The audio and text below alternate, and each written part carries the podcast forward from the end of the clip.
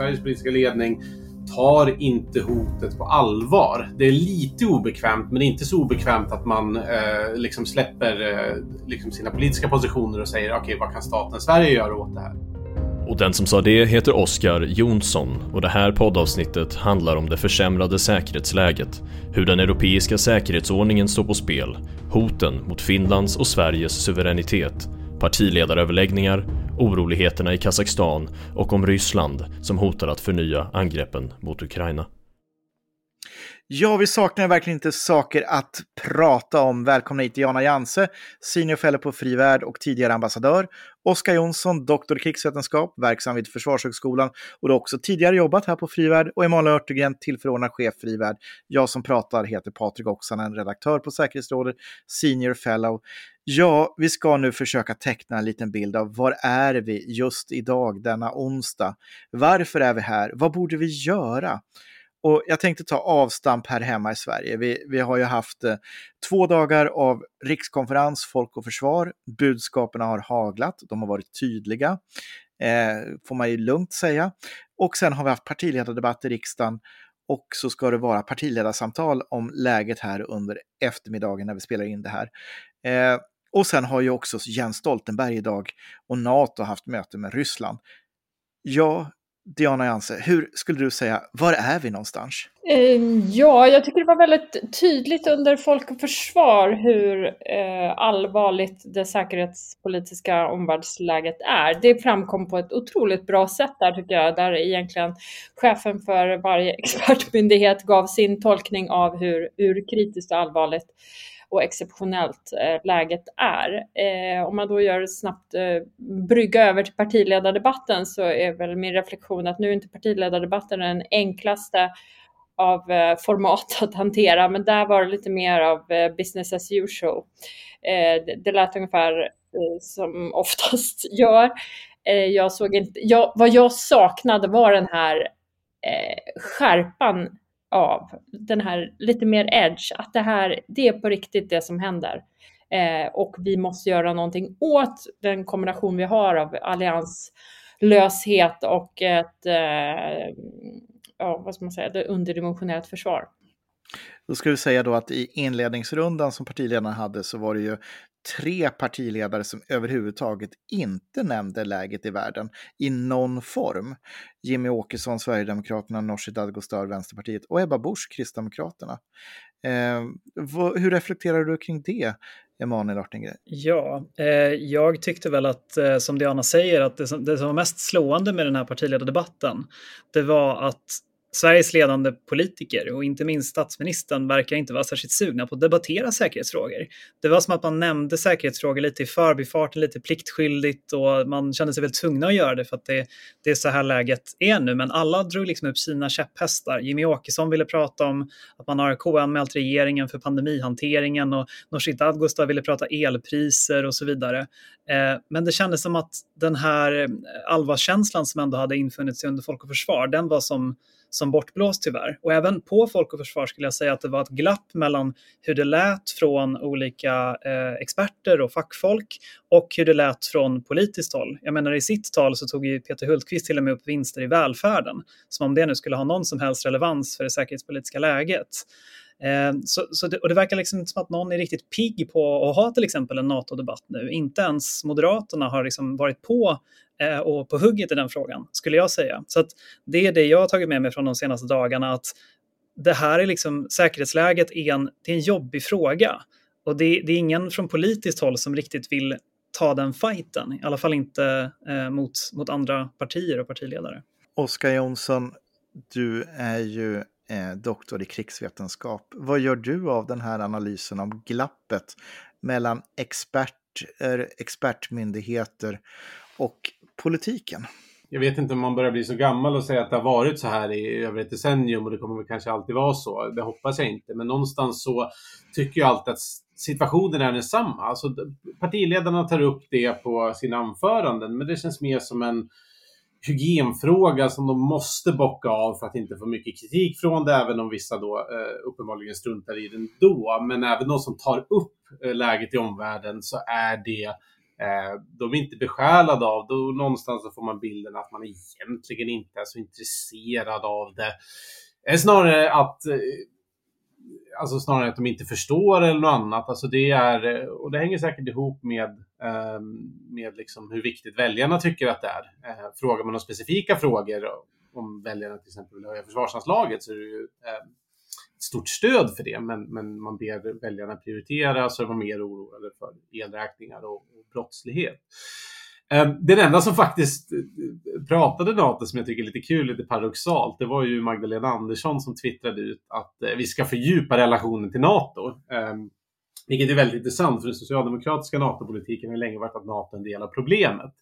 Ehm, Medan nu går ju då eh, statsministern ut och säger att vi ska fördjupa det. Sen på följdfrågan, ja, vad ska vi göra då? Så, äh, det får Peter Hultqvist ta. Men någonstans har man i alla fall eh, började, verkade förefalla så inom det socialdemokratiska hörnet att man förstår att NATO är en del av lösningen och inte del av problemet. Och det är intressant att se. Nu var faktiskt ungdomsförbunden ute och debatterade. Det var några andra som var ute och debatterade. Det kanske börjar blossa upp en NATO-debatt. Det blir intressant att se. Diana?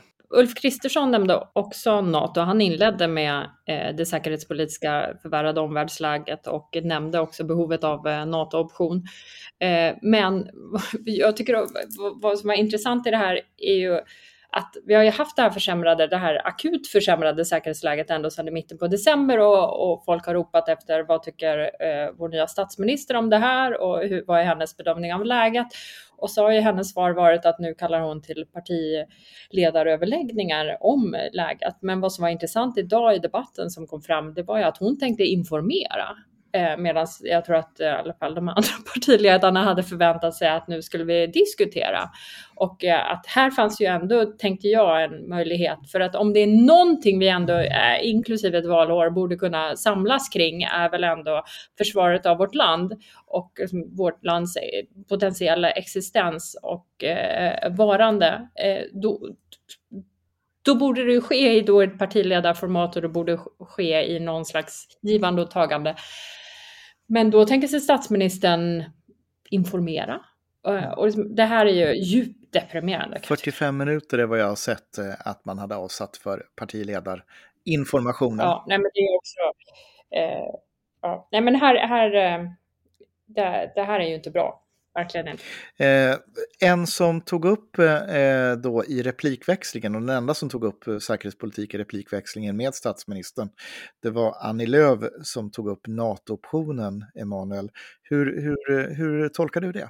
Nej, men det, det, var ju Centerpartiet eh, som drev igenom NATO-optionen så att det är inte konstigt att det är just Annie Lööf som tar den repliken skulle jag säga. Men det intressanta med de här samtalen, eh, förutom det som, som Diana tar upp, att man bjöd in för att informera snarare än att eh, diskutera, det är att statsministern dessutom utesluter handlingsalternativ innan de här samtalen ens äger rum. Genom att återigen, precis som Peter, Peter Hultqvist gjorde i december, verkligen stänga dörren till NATO-medlemskap eller ens till en, en NATO-option. Det vill säga att Sverige bara uttalar, precis som Finland, att vi har möjligheten att gå med i NATO om vi, om vi skulle vilja det. Eh, och det är ju eh, väldigt eh, konstigt. Det är, liksom inte, det är en konstig grund för att ha sådana här samtal överhuvudtaget, även om man då bara ska informera. Och det man egentligen borde göra, och det som bland annat Sten Tolgfors har tagit upp i en eh, tidigare rapport för oss på Frivärd, det är ju att regeringen faktiskt borde ta, ta en funderare kring den säkerhetspolitiska linjen. För den har ändrats ett antal gånger i olika beskrivningar från 2014 och framåt utan någon egentlig förklaring, utan någon egentlig motivering. Och nu har man också ett läge där en majoritet i riksdagen tycker faktiskt någonting annat än vad regeringen gör. Och som Diana var inne på, nu, nu är det läge att skapa samsyn och då borde man bjuda in till sådana här samtal för att faktiskt hitta en samsyn, inte bara för att informera om vad man nu tänker sig att regeringen ska göra. Tittar man på vad Magdalena Andersson och, och, regeringen har nu sagt de senaste dagarna i olika sammanhang så kan man väl säga att de delvis i formuleringen uttrycker sig som en NATO-option skulle uttrycka sig samtidigt som de håller fast vid, vid att Sverige ska absolut inte gå med i NATO. Inte just nu, någon gång har det väl undsluppit sig det också. Eh, hur, hur, ska man, hur ska man tolka den här Eh, eh, sätten att uttrycka sig på utifrån din erfarenhet som, som ambassadör, Diana? Ja, jag vet inte om jag ska tolka den just utifrån min en, e, erfarenhet som ambassadör, men jag tänker mig att eh, det här handlar ju mindre om vad som är bra för Sverige och eh, ett sätt att stärka oss eh, och mer om hur djupt problematisk NATO-frågan är eh, för Socialdemokraterna. Eh, rent partipolitiskt. Det är en jättejobbig fråga och därför vill man inte prata om den. För det skapar splittring i partiet och eh, det vill man inte ha. Så, och, ja, min eh, krassa bedömning skulle bara vara att det, det handlar om att partiets bästa sätts före landets. Eh, för då borde man åtminstone vara villig till en helt förutsättningslös eh, diskussion om vad som är bäst för Sverige nu i detta läge istället för att som dogmatiskt hålla fast vid det man alltid har tyckt. Jag ska nu ge Oskar ett nytt jobb. Oskar, grattis, du har fått ett nytt jobb. Du är, eh, jobbar för SVR, du sitter på Görvelsgatan, ryska ambassaden.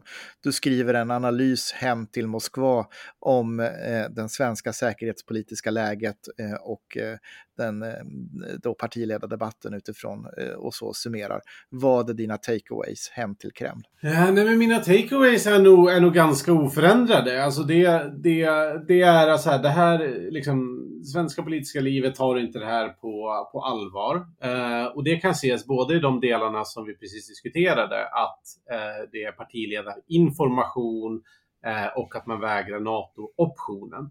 Det någonstans ger ju intrycket att eh, liksom Sveriges politiska ledning tar inte hotet på allvar. Det är lite obekvämt, men inte så obekvämt att man eh, liksom släpper eh, liksom sina politiska positioner och säger okej, okay, vad kan staten Sverige göra åt det här? Utan det är eh, lite obekvämt med att fortsätta spela partipolitik och NATO-optionen, eh, bara för att förtydliga det till föregående, det, är här, det, det, kanske såldes eller upplevdes som en jättevinst för NATO i Sverige, men egentligen så är det ju helt vanligt sunt, sunt bondförnuft. Alltså NATO-optionen innebär vi utesluter inte att närma oss NATO om ni invaderar oss eller någon annan. Vilket är så här, någon som liksom ett, ett A-kurs i säkerhetspolitik, så här, varför ska man utesluta det enda som, som Ryssland är riktigt rädd för? Till att börja med. Alltså det, det, det är ju dumt. Okej, okay, alltså, tillbaks till din fråga. Mm. Nu, kamraterna i Kreml väntar på din rapport. Nej, nej men det, starten var där. Att det här ses fortfarande inte som på allvar. Det är inte läge, okej, okay, hur du samlar oss och hur möter vi ett hot, utan det är mer Eh, ja, det är lite jobbigt, vi måste göra lite, men vi ska behålla våra positioner. Så är det politiska svenska livet. Splittringen är eh, ganska stor, men det som är större än splittringen är ointresset eh, från den politiska ledningen. Mm. Vad säger ni om eh, den analysen? Ja, nej, det, det, den, den tror jag stämmer alldeles uh, utmärkt. Oskar har ju bättre koll på ryskt uh, militärtänkande än någon av oss. Så att, uh, jag, jag, jag, tror att uh, hade jag suttit i Kreml hade jag nog varit nöjd med den rapporten, både över innehållet och också över den svenska reaktionen. Men eh, det där är ju vad vi är idag. Vad borde vi göra då? Vad borde hända nu? Hur borde svensk politik, regering och opposition hantera läget från denna stund och eh, framåt? Ja, det finns ju, jag kan ju tycka att man borde samlas över och bara se vad som kan göras här och nu för att öka eh, avskräckningen och öka vår motståndskraft. Och jag tycker inte minst, Eh, det var, eh, jag tror det var Magda Lena Andersson som apropå och Jimmy, eh, Sverigedemokraternas KU-anmälan av henne svarade att ja, men, jag tror inte alla partier förstår allvaret och då menade hon pandemin. Eh, jag skulle vilja säga samma sak. Det, problemet är att partierna inte förstår allvaret här och jag tycker om någonting, om, för att koppla ihop det här då, om något, pandemin har inte minst visat på hur usel vår beredskap i extremt basala eh, frågor är. Alltså inga munskydd, inga plasthandskar, ingen narkos, inga smärtstillande, alltså, inga IVA-platser, ingenting. Eh, och två år in i pandemin är det nästan samma, ingen testkapacitet, eh, har vi inte lyckats åtgärda det här. I, I, min värld skulle vi sätta oss ner och bara säga, okej, okay, vad kan vi göra här och nu för att förbättra, alltså för, för, att öka vår motståndskraft och för att höja vår tröskeleffekt. Här och nu, här och nu. Vad, har vi som, vad gör vi kort sikt? Vad gör vi medellång sikt och vad gör vi på lång sikt? Öka takten i eh, de beslut försvarsberedningen har tagit. ÖB pekade i en intervju på till exempel det faktum att vi inte har ammunition, så det skulle påverka uthålligheten i de eh, få förband och de militära resurser vi har. Alltså, den typen av åtgärder skulle jag vilja se som bara en samling kring vad kan vi göra här och nu för att öka motståndskraften, öka tröskeleffekten. tänker bara då förtydliga lite grann. Eh, han sa någonting i stil med att, att ammunitionsläget kunde bli bättre. Eh, eh, ja. Vi saknar inte ammunition. Bara en liten, liten, nej, liten nej, detalj. Nej, men han sa att vi saknar, det, det skulle påverka ja, vår uthållighet. Ja. Det vill säga, vi, vi behöver större depåer. Men, men eh, konkret liksom då, vad, vad, vad, vad skulle statsminister Emanuel göra eh, nu då? Om du också ska få ett nytt jobb? Ja, det, det hade varit ett spännande jobb i, i dessa tider. Eh, nej, men jag... Eh, hade, hade jag varit statsminister i bemärkelsen i princip envalshärskare, då hade jag ju eh, kallat kanske till ett gemensamt regeringssammanträde med den finska regeringen och sen övervägt hur skulle vi tillsammans kunna lägga fram en ansökan om medlemskap i NATO så att också se till så att den processen blir så så kort och så snabb som möjligt så att man skulle minska riskerna för eventuella ryska motåtgärder under en sån ansökningsprocess. Eh, och sen hade man ju såklart fått se över liksom, hur kan vi sätta sprätt på pengar ganska fort? Och när det gäller saker vi kan göra på kort varsel så är det ju saker som att köpa in ammunition och kanske se till så att man får eh, in ja, men, extra bemanning på, på våra stridsfartyg till exempel. Um, och sen på längre sikt, ja, alltså kontrollstationen som man pratar om då som eh, är en del av försvarsberedningens eh, beslut att man ska, vi, ska helt enkelt öka eh, mängden pengar vi spenderar på, på Sveriges försvar. Den, den är ju nästa år, 2023. Eh, då är vi inne lite på den här medellånga sikten som Diana pratade om och då borde man ju inför det se över, ja, vad, hur kan vi öka, öka allt egentligen? Eh, öka allt för att, för att öka Sveriges eh, avskräckningsförmåga. Det gäller framförallt vårt vårt luftvapen vår, och vår marin, eh, skulle jag säga i första hand. Så ja, men eh, mer realistiskt så skulle man väl åtminstone eh, göra det Magdalena Andersson inte gjorde nu, det vill säga kalla partierna eh, antingen genom partiledarsamtal eller genom försvarsberedningen för att se hur kan vi på kort sikt stärka beredskapen och hur kan vi hitta en ny säkerhetspolitisk linje som det finns samsyn kring så att vi är på on the same page så att säga. Hur realistiskt är det att du tror att vi får se det här som Emanuel skissar på i närtid, Oskar?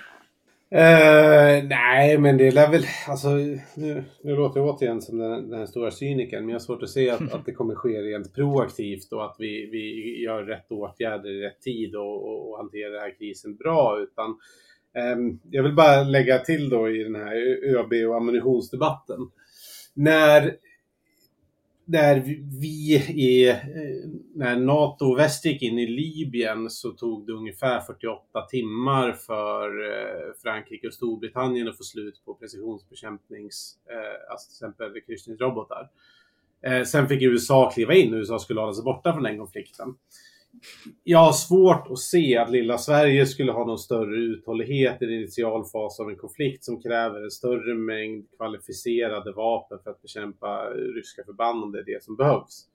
Eh, så att jag tror absolut att det går att beställa mer kryssningsrobotar. Ehm, om jag, får, om jag får vara så fräck att jag också flikar in några saker jag hade gjort eh, om, jag hade varit eh, Emanuel Örtengren statsminister Eh, Eh, det första jag hade gjort, jag hade direkt startat en veckobriefing med underrättelsetjänsterna med UD för samtliga partiledare, eh, vilket i sig är någon form av skal, essensen av ett nationellt säkerhetsråd som jag hade byggt på medellång sikt med analysförmåga. Där, jag hade direkt ringt till USA och sagt hej, vill ni frambasera lite förband? Ta till exempel specialförbanden som varit här och övat. Jag hade öppnat beredskapskrediter för att köpa till exempel kryssningsrobotar. Eh, och på medellång sikt hade vi eh, frågat om vad finns det för förmågor som, som rejält kan hjälpa Ukraina till exempel. Vi, liksom, Sverige är bra på pansarvärnsvapen, vi är bra på att eh, utveckla ganska mycket som man skulle kunna försöka överföra. Se till att vara drivande på sanktioner mot, Rys eh, mot Ryssland och se till att det blir rätt sanktioner. Och sen på lång sikt, gör om allt, gör det bättre. Som Woody Allen sa, ja, jag ångrar allt, jag har gjort allt annorlunda. Eh, nej men, eh, så här, så att det hade jag också velat slänga upp där på bordet. Diana, vill du haka i där? Du drog en djup suck. Ja, nej, men jag tänker bara på vad de gamla romarna sa. Vill du ha fred och rusta för krig? Mm. Eh, och, men där brukar ju fredsrörelsen säga, vill du ha fred så Mm. rösta för fred. Det tror jag de har fel. Man får åka på studiebesök till Ukraina. Se hur det känns där. Det blev lite tyst och dåligt stämning eh, på den frågan så att vi går glatt vidare i, i det här. Eh, jag tänkte att vi, vi lämnar Sverige en liten stund och så bara göra en liten snabb spaning. Jag vet inte om, har ni noterat eh, Ria Novostis artikel om Finland? Ja, det är två som skakar på huvudet.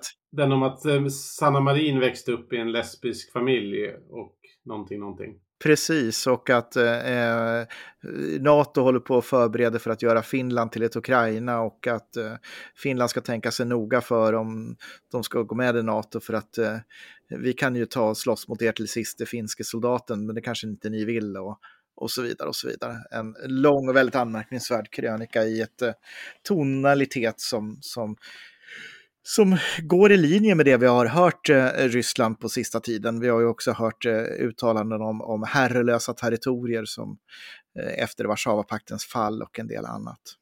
Men det är bra, eh, om jag bara får flika in, det är bra att du tar upp eh, eh Finland igen, Patrik. Jag tänkte på det tidigare när någon av er talade. Just där, det är ändå intressant att eh, även den här oviljan, eh, inte minst då från Eh, regeringen och prata NATO, prata våra säkerhetspolitiska val som är vi fria att göra hur de ser ut mer än att vi är fria att göra dem själva och liksom ta dem eventuellt under omprövning då.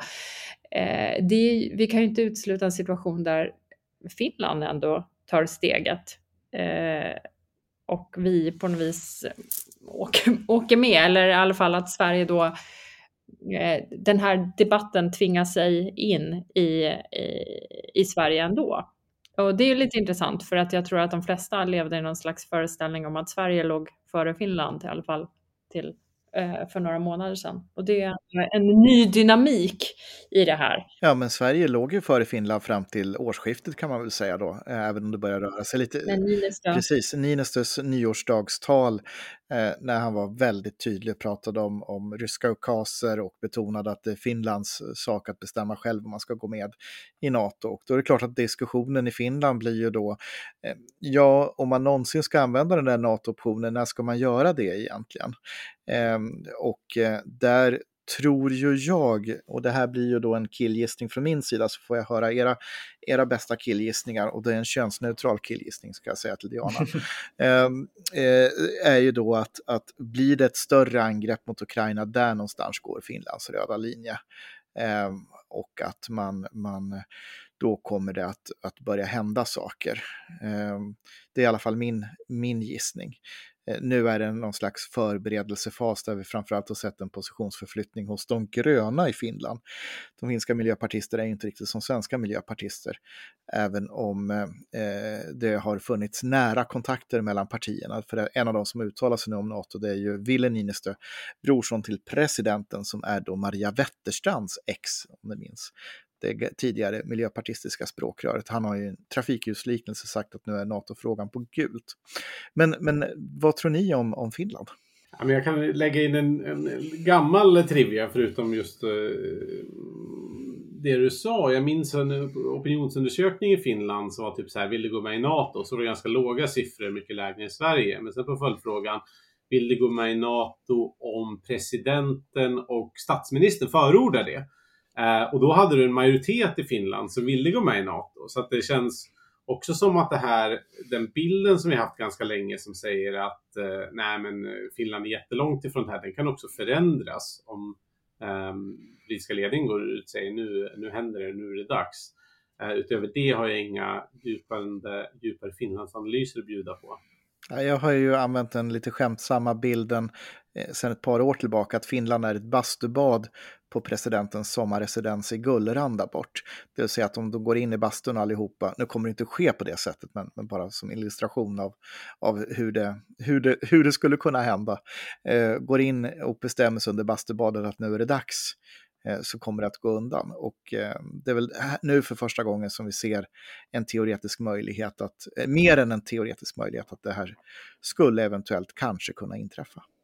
Mm. Det, det jag tycker är intressant är ju den här rörelsen i Finland lite bort också från att man, man ser eh man har ju betonat till exempel under Finlands eh, e EU-ordförandeskap 2019 så betonade man ju EU som säkerhetspolitiska aktör och bad bland annat om ett förtydligande av någonting som heter artikel eh, 42.7 i Lissabonfördraget som är den, man kan väl säga så här om den, den är ju inte lika långtgående som NATOs artikel 5 som säger att om ett medlemsland blir angripet så, så ska andra komma till dess försvar. Men det är ändå ett slags åtagande för alla EU-länder att man ska hjälpa ett land som på något sätt hamnar i, i, i trångmål. Eh, men tidigare så har det tolkats mest som ja, det är någonting som rör kanske hybridhot snarare än, än eh, territoriella angrepp. Men Finland har nu börjat röra sig bort från det här för att man har inte fått någon respons egentligen från andra EU-länder eh, som, som liksom vill, vill ja, utöka eh, användningen eller liksom, eh, utsträckningen av vad artikel 42.7 betyder. Det är egentligen bara Frankrike som verkar ha visat någon form av intresse för det. Och Niinistö tyckte jag, eh, han uttryckte det rätt tydligt i sitt nyårstal att EU sitter liksom vid, vid sidlinjen nu. Så det är intressant att medan Finland börjar släppa, i takt med att man börjar släppa idén om att EU skulle kunna göra någonting i den här typen av situationer så, så går man liksom steg för steg närmare NATO. Eh, och eh, ja, det, det, är ju någonting som, som mycket väl skulle kunna hända i, i Sverige också. Och jag tror att den, en av de stora argumenten egentligen mot svensk NATO-anslutning ända sedan sen Tage Erlanders tid har ju varit att det skulle sätta Finland i en, en svår situation. Och om Finland nu går före oss, ja men då tror jag att det kommer förändra förutsättningarna för den svenska debatten rätt rejält. Och jag är faktiskt förvånad att inte, att inte redan har, har gjort det mer än vad det har, ja, vad det har framstått som de här senaste veckorna. Diana? Ja, nej, men min enda reflektion är väl att, att Finland verkar präglas så mycket mer av en realism. Eh, den debatten där, inte minst då synen på sin östra granne. Eh, och att det, det hotet är så mycket mer verkligt och närvarande i Finland än det är i Sverige och eh, ja, av historiska skäl inte minst. Men jag tycker det är intressant det Emanuel säger också det här om att EU egentligen, det är ju väldigt intressant för vi har också byggt otroligt mycket av vår säkerhetspolitik på samarbetet inom EU och det är ändå intressant att se nu när eh, läget är som det är hur EU mer eller mindre har sopats av banan. Eh, och eh, ja, det är ju också i sig Eh, det, först är det djupt beklagligt och eh, man kan, borde kunna ägna ett eh, poddavsnitt åt att diskutera varför det blev så och vad man kan göra åt det. Eh, men men eh, det är bara att konstatera att nu, nu är det så och då borde det också vara en faktor tycker jag för att eh, eh helt enkelt sitta ner och med, med öppna ögon utifrån hur, hur verkligheten ser ut. Eh, och då den nu inte stämmer överens med vår karta, eh, vad det får för konsekvenser för våra egna säkerhetspolitiska val. Mm. Jag såg på, till exempel på, på eh, Twitter att Estlands förre president Thomas Ilves skrev att Pesco, alltså det här eh, försvarssamarbetet inom EU, har ju liksom i stort sett lika mycket, i praktiken då lika mycket eller lite militära resurser som Costco, alltså den här stora handelskedjan. Så att det, det finns, EUs förmåga lämnar en hel del övrigt att önska. Så att det, det, det, går inte att bygga sin, sin säkerhetspolitik riktigt på, på EU, tyvärr. Mm. Oskar? Ja, vi måste bara flika in lite kring det där kring artikel 42.7 och det är liksom läser man texten igen från Natos artikel 5 så ser det ju bra ut. Men grejen är att EU har ju aldrig haft eh, någon form av struktur eller liksom bakom det. Alltså det har, det har inte varit på bordet att eh, liksom det finns ett, eh, alltså det finns en struktur som skulle kunna genomföra liksom, någon form av militära operationer annat än liksom out of area operation small scale som ändå bygger på eh, liksom, ja, att, någon, att någon tar lid.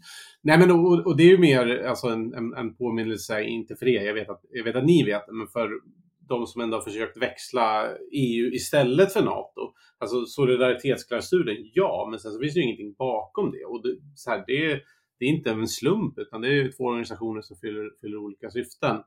Um, men jag hoppas också, precis som, precis som ni säger, att vi, att vi ser de, de rollerna tydligare. Um, för, liksom, för tio år sedan så funderade man inte så mycket på en militär konflikt i Europas område, vilket är liksom NATOs unika mandat, utan funderar man på lite andra saker, vilket EU absolut um, kunnat lösa. Och jag tänkte att vi ska ta och lämna eh, Sverige och vad vi ska göra och, och alternativen Eh, och eh, ägna oss sista delen i det här poddsamtalet om hur hamnade vi här?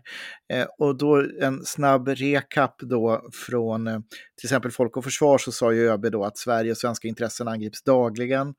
Eh, Gudrun Persson var ju inne också på att eventuell kärnvapenutpressning kan komma att komma.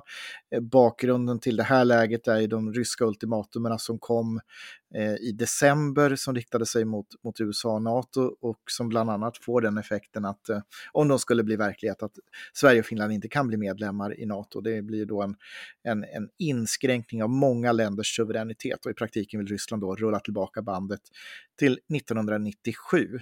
Det här är ju från den ryska sidan inte nya tongångar egentligen. Vi har hört de här sakerna tidigare. Ryssland har framfört det i olika sammanhang. Eh, men nu så har man ju då på ett annat sätt satt eh, ja, som någon har uttryckt det, nu kommer jag inte ihåg vem det var, lagt en pistol på förhandlingsbordet eh, i samband med det här. Hur hamnade vi här? Ja, det, jag skulle säga att det har funnits en väldigt eh, lång historia av ovilja att eh, plocka upp notan för det som i eh, grund och botten bara är vårt och bara kan vara vårt ansvar, nämligen försvaret av vårt eget land. Alltså, det är ju, det är ju decennier av försummelser, skulle jag säga. Och där vi har levt på, alltså, det, det, det, där vi har levt på hopp, men hopp är ingen strategi. Hopp är att någon annan ska komma och... Först hoppet att det aldrig kommer hända något och sen om det mot all förmodan, vilket aldrig kommer hända, ändå skulle hända något, ska någon annan lösa problemen åt oss. En simpel men ändå, eh, vad ska man säga, bottenplatta i analysen. Har hela västvärlden varit naiva på ett svenskt sätt?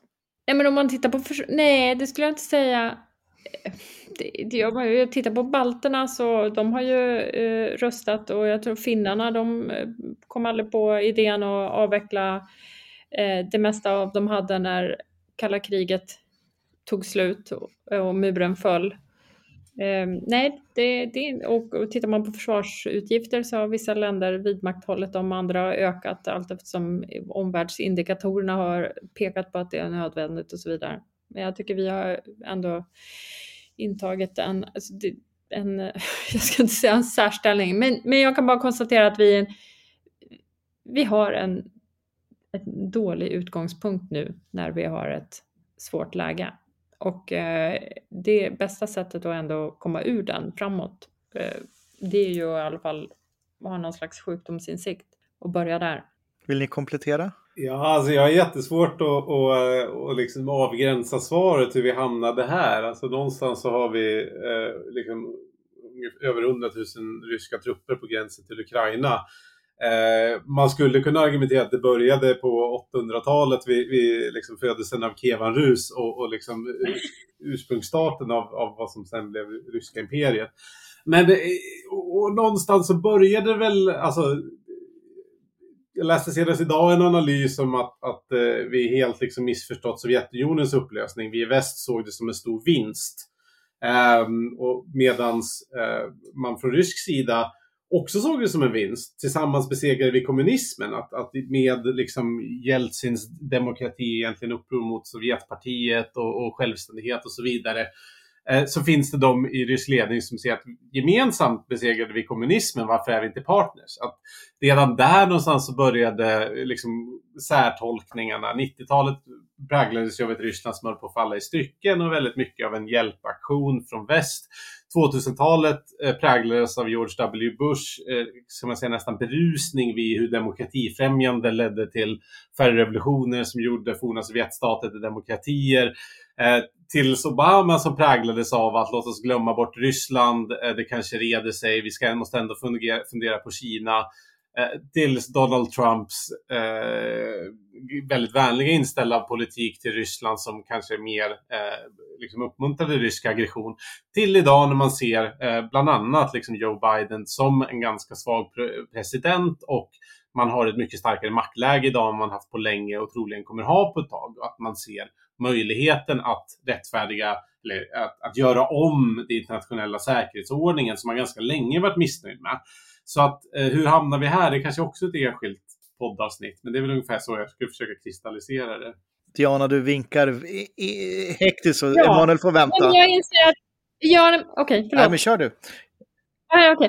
eh, jo, nej, men jag inser att eh, när, eh, när Oskar började prata, jag kanske svarade på fel fråga, hur hamnar vi här? Jag tänkte mest hur vi hamnade i ett eh, underdimensionerat försvar och så vidare, och ganska illa rustade för att möta omvärldens eh, det var inte tydligt vad Patrik menade. ja, nej, nej, förlåt. Men, men utifrån var, det här, hur vi hamnar här där Ryssland har 100 000 eh, soldater vid Ukrainas gräns har lagt en pistol på förhandlingsbordet har jag en, i alla fall en väldigt tydlig idé om när, vad ska man säga, det, när vi började röra oss ner för det sluttande planet och det var ju den otroligt klena responsen för att Ryssland gick in i Georgien. Eh, det kostade Georgien, eller det kostade Ryssland ingenting militärt, eh, in, mm, inget ekonomiskt, eh, pyttelite politiskt. Eh, jag är helt övertygad om att hade vi liksom varit förmögna att stand our ground där och eh, eh, alltså låtit det kosta, då hade vi inte haft annekteringen av Krim, då hade vi inte haft den här eh, eskalerande situationen. Men liksom, Ryssland har ju eh, konsekvent ända sedan dess liksom, testat den ena röda linjen efter den andra och kollat om den verkligen var röd eller orange eller gul eller bara köra på och funnit att det inget egentligen har kostat. Det, Krim kostade lite grann, östra Ukraina kostade lite grann, Syrien kostade just ingenting och så har det eh, rullat på och nu är vi där vi är. Och man ska ju passa sig för att göra paralleller till historien, men det där med att inte plocka ut kostnader för röda linjen när den överträds har vi sett på 30-talet under det förra århundradet.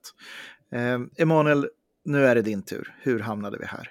Ja, jag tror det ligger mycket i Dianas svar om att eh, Ryssland ända sedan 2008 så här, kontinuerligt har, har testat eh, gränserna.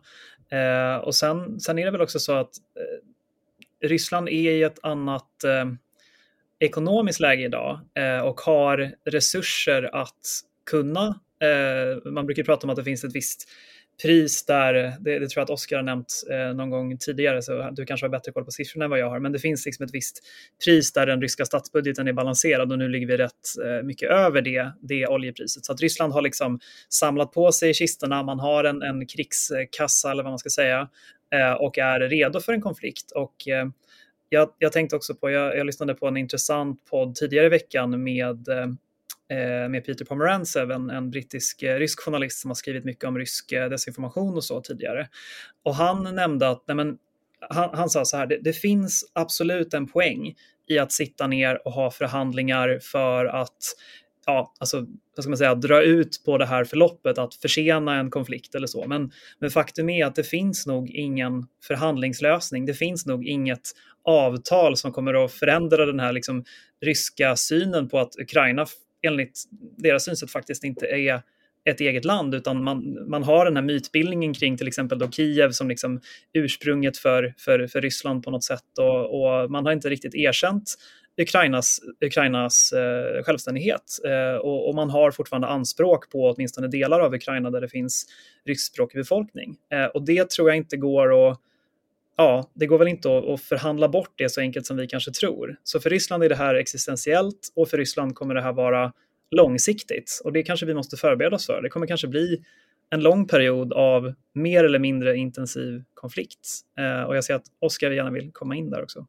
Nej men och bara för att fortsätta vidare på det ni båda säger och understryker det just med att det inte möts av några kostnader. Eh, det första som bara slår mig är att, att eh, Georgien 2008 handlade ju också om en väldigt, väldigt nytillträdd eh, amerikansk demokratisk president som uppfattades vara eh, liksom, duvaktig och nästa gång vi har en demokratisk president som verkar duvaktig eh, så testas också eh, variant. Jag, jag tror eh, Trump är en annan historia, det var inte det poängen. Jag tror absolut som ni säger att, eh, att, att Ryssland gör analysen att det här kostar inte speciellt mycket, man kan vinna ganska mycket och jag tror absolut förhandlingslösningen är, är, är destined to fail, uh, one way or another. Antingen så, uh, alltså Ryssland lägger upp en pistol på bordet och frågar väst vad den är beredd att göra för eftergifter. Och redan nu så är, börjar väst säga ja, vi är beredda att förhandla om ganska mycket. Eh, och erbjuda vissa eftergifter. Och det diskuteras ofta att man måste ge Ryssland en off-ramp så de kan backa utan att tappa ansiktet. Så att tappa ansiktet från en situation som de helt unilateralt har skapat för att få massa eftergifter. Antingen genom liksom, politiskt eller militärt våld. Eh, och, och, av någon anledning så, alltså det, det största generalhaveriet här, det är ju att bland annat att, att Wendy Sherman, alltså vice utrikesminister i USA, säger att ja, men vi, vi måste nå en lösning snabbt. Alltså, varför då? Alltså, vi är, det enda vi är intresserade av egentligen är status quo. Så här, invadera inte mer av Ukraina. Låt Ukraina vara. Och det är det lite som hela liksom, scenografin i den ryska förhandlingen eh, som jag läser här. Man kräver någonting helt omöjligt, NATO avfärdar det, man säger att man måste förhandla jättesnabbt och, det, och förhandlingarna kommer klappa igen. Eh, mer som en anledning för att oj, vi försökte förhandla, Eh, väst vill inte göra någonting åt oss. Eh, men även om förhandlingarna lyckas så kommer det nog enbart lyckas PGA, att Ryssland har lagt en pistol på bordet och väst gör massa eftergifter som man absolut inte borde göra. Så att nej, jag tror och hoppas att, att förhandlingarna ändå eh, bryter samman. Det var hårda eh, bud där. Eh, hoppas du på samma sak, Diana? Nej, diplomaten i mig säger ju förstås genast att det kan inte vara målsättningen. Samtidigt så eh, kan jag också tycka att med så ryssarna är ju duktiga förhandlare och duktiga att spela en, eh, en svag hand och nu har de, eh, de har lagt pistolen på bordet och liksom kommit med sin hot och kravlista. Det är klart att det det förutsättningarna för att de här förhandlingarna ska få ett lyckligt slut, eh, nämligen att den, vi, vi, den europeiska säkerhetsordningen består, världen delas inte upp, Europa delas inte upp i intressesfärer och, och Ryssland går nöjd därifrån ändå. Den ser jag som väldigt, eh, den är minimal. Alltså vi, det, det de ber oss förhandla om är inte förhandlingsbart. Och då är det svårt att se hur de här förhandlingarna kan lyckas. Sen kan man ju argumentera att så länge förhandlingarna pågår så, så pågår förhandlingar, nämligen, och då eh, sätter man inte sina hot i verket. Eh, så på så sätt kan jag väl säga att det finns en, en vits med dem, eh, att de fortgår då och inte, och, och jag önskar inte att de bryter samman. Men, eh, men det är svårt att se vad det här ska leda. För i, som, som jag läser Ryssland eh, så är de söker ju efter en anledning att starta eh, ett krig eller fortsätta sitt krig, eh, återstarta en, en, en invasion. Eh, och eh, om det är det de vill så är det svårt att kommer det bli svårt att komma runt Sista minuterna i den här podden så ska vi prata om vad kommer att hända då. Men bara för att måla bilden lite större då. Ryssland gick in och annekterade illegalt eh, Krim 2014, startade kriget i östra Ukraina som man försöker beskriva som ett inbördeskrig, men det är egentligen en, en rysk ockupationsstyrka. Eh, eh som är helt beroende av, av, av Ryska federationen och sen har man bygger man upp över 100 000 man längs gränsen. Siffrorna varierar lite grann, men det finns bedömningar som säger att man i slutet av månaden ska nå 175 000.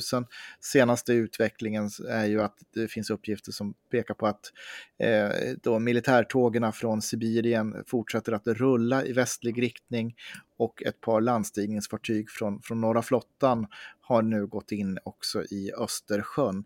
Där den militära settingen, den politiska settingen så har vi oroligheterna i Kazakstan där Ryssland skickade in fallskärmstrupper som en del i en CSTO, vilket är en, en, en samarbetsorganisation med Ryssland och, och sina satellitstater eh, för att kväsa de här oroligheterna tillsammans med övriga medlemsländer och, och den kazakiska regimen. Eh, och ovanpå det så, så mullrar det också i Bosnien, Hercegovina med Republika Serbska som hotar sig att bryta ut, alltså den serbiska delen. Eh, med, med, med sagt att det är någonting kommer att hända. Det är en komplex eh, politisk bild över Europa. Ryssland har många olika småeldar som man är i och, och eldar. Vi har ju Georgien, vi har ju Transnistrien med Moldavien också. Eh, och vi har Ukraina. Vad tror ni kommer att hända då? Vem vill du plåga och börja?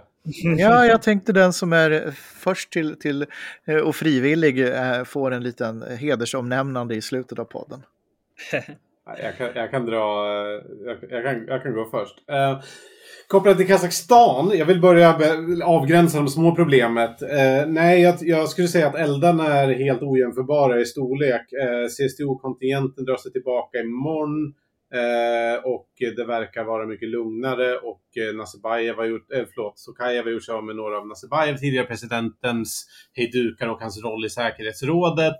Um, och jag vet inte om det, alltså så här, det är tusentals um, liksom ryska soldater där, det påverkar ingenting. Det stora uh, militära uh, upp, liksom balansen av det som händer uh, i Ukraina och mot väst, vilket jag hade ändå valt att fokusera på. Vad händer där? Alltså, någonstans så, så, så är det ju trist att säga, men alltså, allt är ju beroende av vad som händer mellan nu och eh, liksom nästa vecka och veckan efter och veckan efter det. Alltså de, de New York Times underrättelse Eh, rapporterna som publicerades i december sa att det var trovärdiga eh, bevis på en rysk militär operation i slutet av januari. Och den timelinen tycker jag mycket av trupprörelserna bekräftar och mycket av hur tafatt de här förhandlingsförsöken, hur snabbt man satt igång dem, hur snabbt man vill avsluta dem, också bekräftar att det är en liksom, tänkbar tidpunkt för en ny rysk invasion av Ukraina. Samtidigt så, ja, är det en förhandlingsstrategi um, för att få det att se ut som att det händer snabbt för att sätta press på väst och man egentligen uh, nöjer sig med vissa andra eftergifter eller det ena och det andra. Uh, det vet jag inte och, och, det beror ju, alltså som tur var så beror ju väldigt mycket på vad vi i väst gör. Um, nu är en del av problemet att Eh, eh, liksom, NATO är inte beredd att sätta NATO-trupp mellan sig själv och eh, Ukraina, vilket är förståeligt för det skulle liksom starta ett tredje världskrig och Ukraina är ingen NATO-medlem och så vidare. Och jag tror att kort om trupp eh, så har man få medel att egentligen på allvar förändra den ryska kalkylen. Att man har väldigt mycket, att det är väldigt viktigt att få mer kontroll i Ukraina medan de ekonomiska konsekvenserna som kan efterleva inte kommer vara så allvarliga, vilket de inte har varit som vi pratade om 2008 eller 2014. Så det får bli min take. Tack Oskar. Min enda gissning är väl att om det sker någonting, det vill säga invasion av Ukraina eller trupprörelser in där, så borde det ske ganska snart. Som jag har förstått det så är mycket av den ryska utrustningen som till exempel stridsvagnar och så som nu är är vid den ukrainska gränsen, de är beroende av att marken är frusen eh, innan liksom lersäsongen där kommer igång. Eh, och det är någon, någon månad bort, så det talar väl för att någonting kommer att, eller skulle kunna ske, ska jag säga, ganska snart. Däremot så Eh, ja, det beror ju väldigt mycket på vilken respons man har eh, från, från västsida och där, där har det ju skett förberedelser för rätt, rätt rejäla sanktioner som, som en, av en liksom skala som vi inte har sett tidigare. Till exempel att man faktiskt skulle kunna stänga ute eh, ryska, ryssar och ryska institutioner från det här internationella Swift-systemet för betalningar. Och det skulle ju vara, vara en, en upptrappning då vad gäller sanktioner från, från västs sida. Men eh, ja, det, det är väldigt svårt att, att förutspå eh, när vi sitter här idag, tycker jag. Det, det, det, det, är fortfarande oklart vad som har hänt på de här, på de här mötena, hur eh, allvarliga Rysslands intentioner egentligen har, har varit med de här förhandlingarna och så vidare. Så att eh, de, de närmaste veckorna kommer vi nog få, få se en, en hel del. Sist ut. Ja, jag tycker det är jättesvårt och eh, men som, jag är väl pessimistisk mot att jag, som jag sa tidigare, jag tror att Ryssland letar efter en anledning att starta ett krig. Så det som skulle kunna få dem då att inte göra det, det är ju, det, jag tror också som, som Oskar eh, var inne på, vad vi signalerar, vi, vi som ett kollektivt väst som eh, är, borde borde kunna ha ett enormt stort inflytande på att Ryssland inser att den här kalkylen eh, de gör inte håller. Det kostar mer än det, det smakar ändå. Eh, så så att det, det är ju inte så att vi är någon slags alltså, det, vi har ju ändå makten att kommunicera att det här inte eh, ni kommer inte få som ni vill. Och, och min erfarenhet är att ryssarna ändå bara förstår maktspråk. Eh, och, det gäller att sätta sig i respekt och frågan är då, är vi förmögna att göra det? Och vi i det här fallet är ju väldigt till stor del väldigt mycket mm. hänger på amerikanerna då. Så ja, eh, jag tror väl också att den här upptrappningen den kan inte pågå hur länge som helst utan alltså det, det kommer komma en urladdning förr eller senare. Jag tror som inte vi sitter och diskuterar här igen om sju, åtta månader. Antingen händer det någonting nu de närmsta par, tre månaderna eller så, så går det ändå mot någon slags pyspunka eller deeskalering eller vad man nu vill kalla det. Eh, men jag vill bara göra en reflektion ändå för, eh, om, eh, och återkoppla till Kazakstan, för jag det, det, är klart att det inte det, gagnar inte Putins eh, att eh, makten utmanar sig en av hans, en auktoritär stat i hans närområde som han ser då som sitt eh, intresseområde. Men det är ändå intressant att se hur väl eh, ryssarna spelade det kortet. Eh, de fick dit trupp, de visade eh, hur eh, snabba de är. De lyckades få kontroll på situationen, de slog ner eh, upploppet. De har klätt i sitt eget narrativ av vad egentligen som hände. Att det var eh, utländska foreign fighters och det var eh, eh thugs. Det hade absolut ingenting med folkliga protester att göra, eller liksom väldigt lite i alla fall. Eh, det, det, var det i början, men det, det övergick snabbt till någonting annat. Det är intressant att se hur duktiga de är på att kontrollera narrativet och ha ett narrativ som passar deras syften. Och apropå det där med att CSTO trupperna de facto de ryska trupperna då skulle dra sig tillbaka nu så såg jag precis på TASS innan vi gick in i den här podden om hur de nu biffar upp säkerheten kring Baikonur eh, militärt då. Eh, för det är något annat skulle ju förstås vara helt uteslutet. Baikonur är den här eh, uppskjutningsstationen i Kazakstan som ryska rymdprogrammet är beroende av. Så eh, ja, så vi får se. Min erfarenhet är att när de väl har kommit in så lämnar de aldrig. Och här, är, här finns det ju då en sån här eh, hållhake, så även om de skulle åka hem eh, för det de kom för så, så, kommer de, tror jag, nu, nu har de en, eh, nu har de Tokajev och den eh, kazakiska regimen i ett nackgrepp här och de kommer inte släppa taget. Det är min bedömning. Och, som, och det är ändå intressant tycker jag att se hur, hur väl de spela sina kort, även ett kort som det här som verkligen inte eh, var i deras favör. Jag har lovat Oskar att han ska få gå 17.00 när vi spelar in det här. Och klockan är nu 17.00 och därför ska Oskar få den första eh, frågan i den absolut sista rundan. Och då vill jag med, att ni med en eller två meningar ger ert bästa råd till Magdalena Andersson som statsminister. Eh, kort, koncist, för vi utgår ifrån att hon lyssnar på det här, eller hur? Bygg en gemensam lägesbild med eh, partiledarna och agera nu för att kunna få handlingsfrihet på medellång sikt. Diana? NATO-medlemskap. Emanuel? Släpp prestigen och skapa samsyn. Tack så mycket Oskar Jonsson, Diana Janse, Emanuel Örtengren. Du har just lyssnat på en podd från Tankesmedjan Fri Värld. Jag heter Patrik Oksanen och jag har ju också lovat ett särskilt litet tack till Oskar för att han tog den där jobbiga första spekulationsfrågan om vad som ska hända. Så där får du det Oskar. Tack så mycket för det. Rösten ni hörde i början, den tillhör Dino Ekdal. Dino har också gjort bearbetningen. Podden finns där poddar finns. Prenumerera gärna så du inte missar ett avsnitt. Kom ihåg, Sverige och friheten är värd att försvara. Motståndet upphör aldrig.